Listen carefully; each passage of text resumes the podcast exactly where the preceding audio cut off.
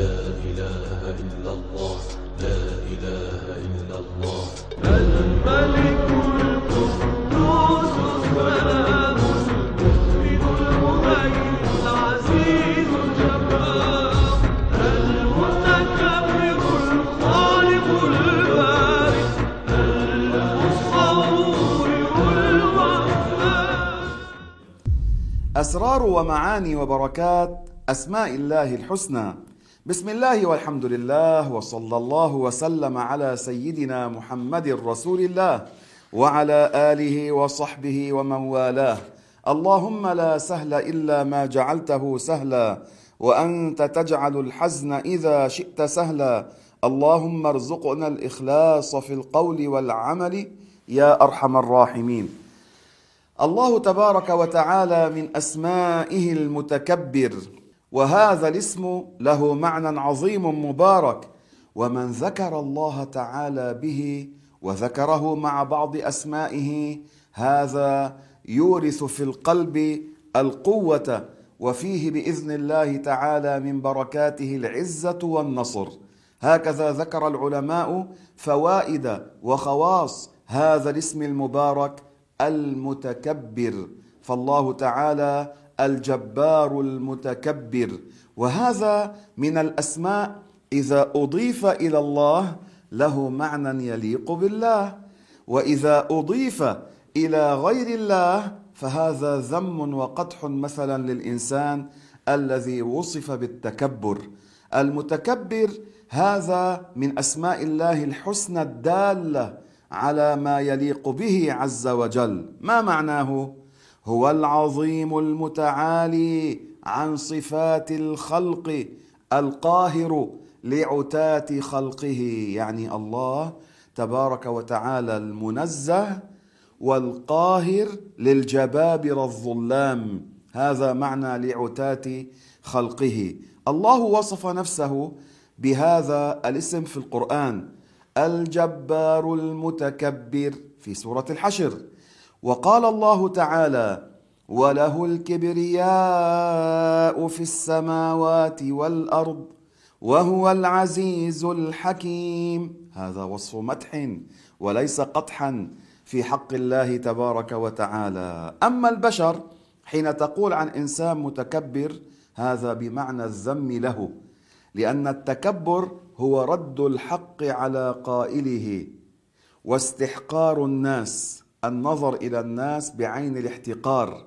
هذا من أكبر الكبائر والمتكبر يحشر على أرض المحشر يوم القيامة بحجم صغير كالنمل من حيث الحجم يطأه الناس بأقدامهم والعياذ بالله تعالى. فلا يجوز وصف الله تعالى بالمعنى المراد في حق البشر. وكما قال الإمام الطحاوي رحمه الله ومن وصف الله بمعنى من معاني البشر فقد كفر.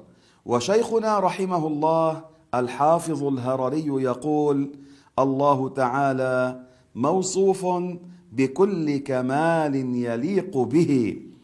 لماذا قيدت العبارة بكمال يليق به؟ لأن من الكمال ما يكون في حقه تعالى ولكنه ذم في حق العبد. ومنه ما يكون مدحا للإنسان كالوصف بالعقل ورجاحة العقل. وأما في حق الله فلا يوصف الله تعالى بالعقل. فاذا الله المتكبر أي العظيم المتعالي عن صفات الخلق. ما معنى المتعالي المنزه؟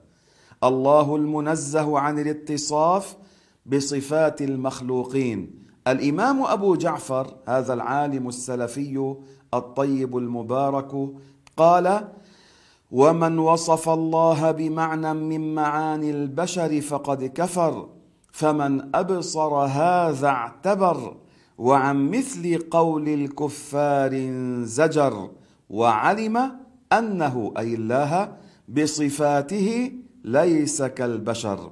فعندما أرسل الله تعالى موسى وهارون عليهما السلام لبني إسرائيل دعيا إلى عبادة الله وتوحيد الله كان جواب بني إسرائيل لموسى وهارون ما أخبر الله في القرآن الكريم. قالوا أجئتنا لتلفتنا عما وجدنا عليه آباءنا. وتكون لكما الكبرياء في الأرض وما نحن لكما بمؤمنين. يقول الرازي المفسر رحمه الله والمعنى من كلامهم ويكون لكما الملك والعز في أرض مصر. الخطاب كان لموسى وهارون عليهما السلام. إذا جاء الكبرياء هنا على معنى ما كان في الدنيا من ملك وما كان في الدنيا من العز وهذا أي جئتم لتحكموا مصر. وربنا تبارك وتعالى يقول في الحديث القدسي الكبرياء ردائي. وانتبهوا هذا حديث من الأحاديث المتشابهة له معنى يليق بالله عز وجل. سنتكلم عليه يأتي بمعنى العظمة ويأتي بمعنى الملك. الكبرياء ردائي والعظمة إزاري. ليس معناه الله جسم يضع الرداء والإزار. هذا الإزار يغطي النصف الأسفل من الإنسان والرداء يوضع على الأكتاف. فليس هذا المراد. إنما الله تعالى يقول فمن نازعني واحدا منهما قذفته في النار. الله أكبر. يقول العلماء في شرح هذا الحديث الكبرياء العظمة والملك وقيل هي عبارة عن كمال الذات وكمال الوجود ذاته لا يشبه الذوات موجود لا كالموجودات. فإذا عبر بالرداء والإزار هذا لبيان أن هذا مختص بالله عز وجل. وليس معناه أن الله تعالى حجم وأنه يلبس الثياب. هذا لا يليق بالله. يقول الشيخ ملا علي القاري رحمه الله فمن نازعني واحدا منهما معناه أي من نازعني أحد هذين الوصفين يعني تكبر باعتبار ذاته أنه أعظم من الله أو أنه مثل الله أو عظم نفسه كتعظيمه لله فهذا يدخل النار خالدا فيها أبدا. فإذا الله تبارك وتعالى له العزة والعظمة والكبرياء والقدرة. وهذا يقول العلماء استعمال هذه الألفاظ في هذا الحديث فيه الزجر عن ادعاء العزة والكبرياء والعظمة والقوة يعني التي هي خاصة لله لأنه حقيقة لا يوصف بها غير الله تعالى على المعنى الذي يوصف الله به فهو الخالق وما سواه مخلوق. اذا الله تعالى المتكبر معناه انفرد بالعظمة والملكوت والجبروت قصم رقاب الجبابرة وكسر ظهور الأكاسرة. طيب إذا وصف الإنسان بالتكبر هذا معناه ذم. جاء في الحديث الرسول قال عليه الصلاة والسلام لا يدخل الجنة من كان في قلبه مثقال ذرة من كبر. الله أكبر. يعني لا يدخلها مع الأولين هذا المتكبر يستحق عقاب الله. لا يكون كافرا بمجرد التكبر لكن بعض المتكبرين انجروا إلى الكفر كأبي لهب رأى انشقاق القمر وما آمن ومات على الكفر نسأل الله العافية. يقول النبي عليه الصلاة والسلام قال رجل إن الرجل يحب أن يكون ثوبه حسنا ونعله حسنة. هنا هذا الرجل الصحابي يتعلم من النبي أن هل مجرد الإنسان فرح بثيابه أو بالنعل الذي يلبسه يكون متكبرا؟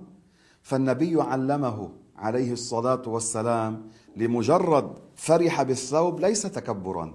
فقال له حديثا متشابها معناه يليق بالله. قال له إن الله جميل يحب الجمال.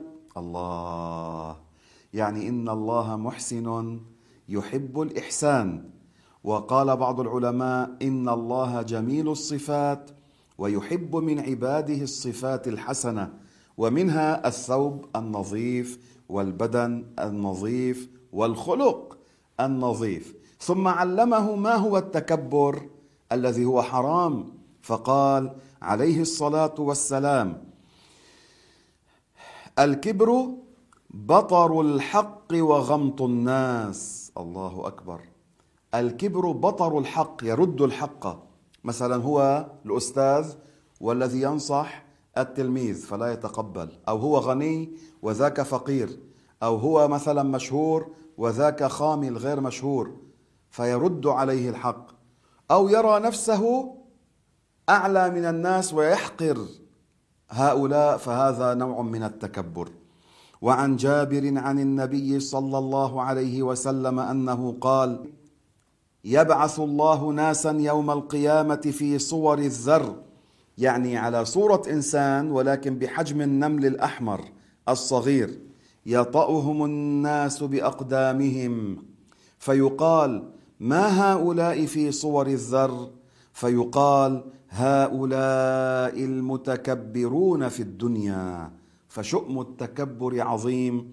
أخبر الرسول عليه الصلاة والسلام أن رجلا كان ممن قبلنا يمشي متبخترا يعني كان معجبا بنفسه معجبا بنفسه وكان ينظر في جانبيه هكذا يقولون عندنا ينظر هكذا أعجبه ثوبه وشعره وهيئة شعره.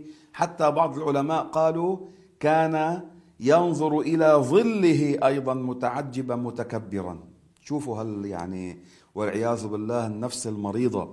قال عليه الصلاة والسلام وبينما هو يمشي متبخترا أمر الله تبارك وتعالى به الأرض فبلعته. انشقت الأرض وبلعته.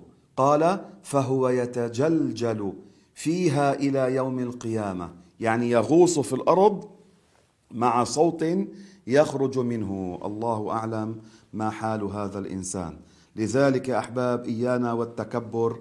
والله تعالى المتكبر معناه الذي هو عظيم قادر. وقول يا الله يا جبار ارزقني أو يا الله يا متكبر لا يدل على النقص في حق الله. أما لا يقال عن الله مخادع ناسي ماكر هذا لا يقال مستهزئ. لا يقال وإنما هذا يعني لا يليق بالله. أما وصف الله بالجبار مدح وصف الله بالمتكبر مدح لله. اللهم يا عزيز يا جبار يا متكبر عليك بمن يتكبرون على أوليائك. واحفظنا من التكبر يا الله يا أرحم الراحمين. لا إله إلا الله.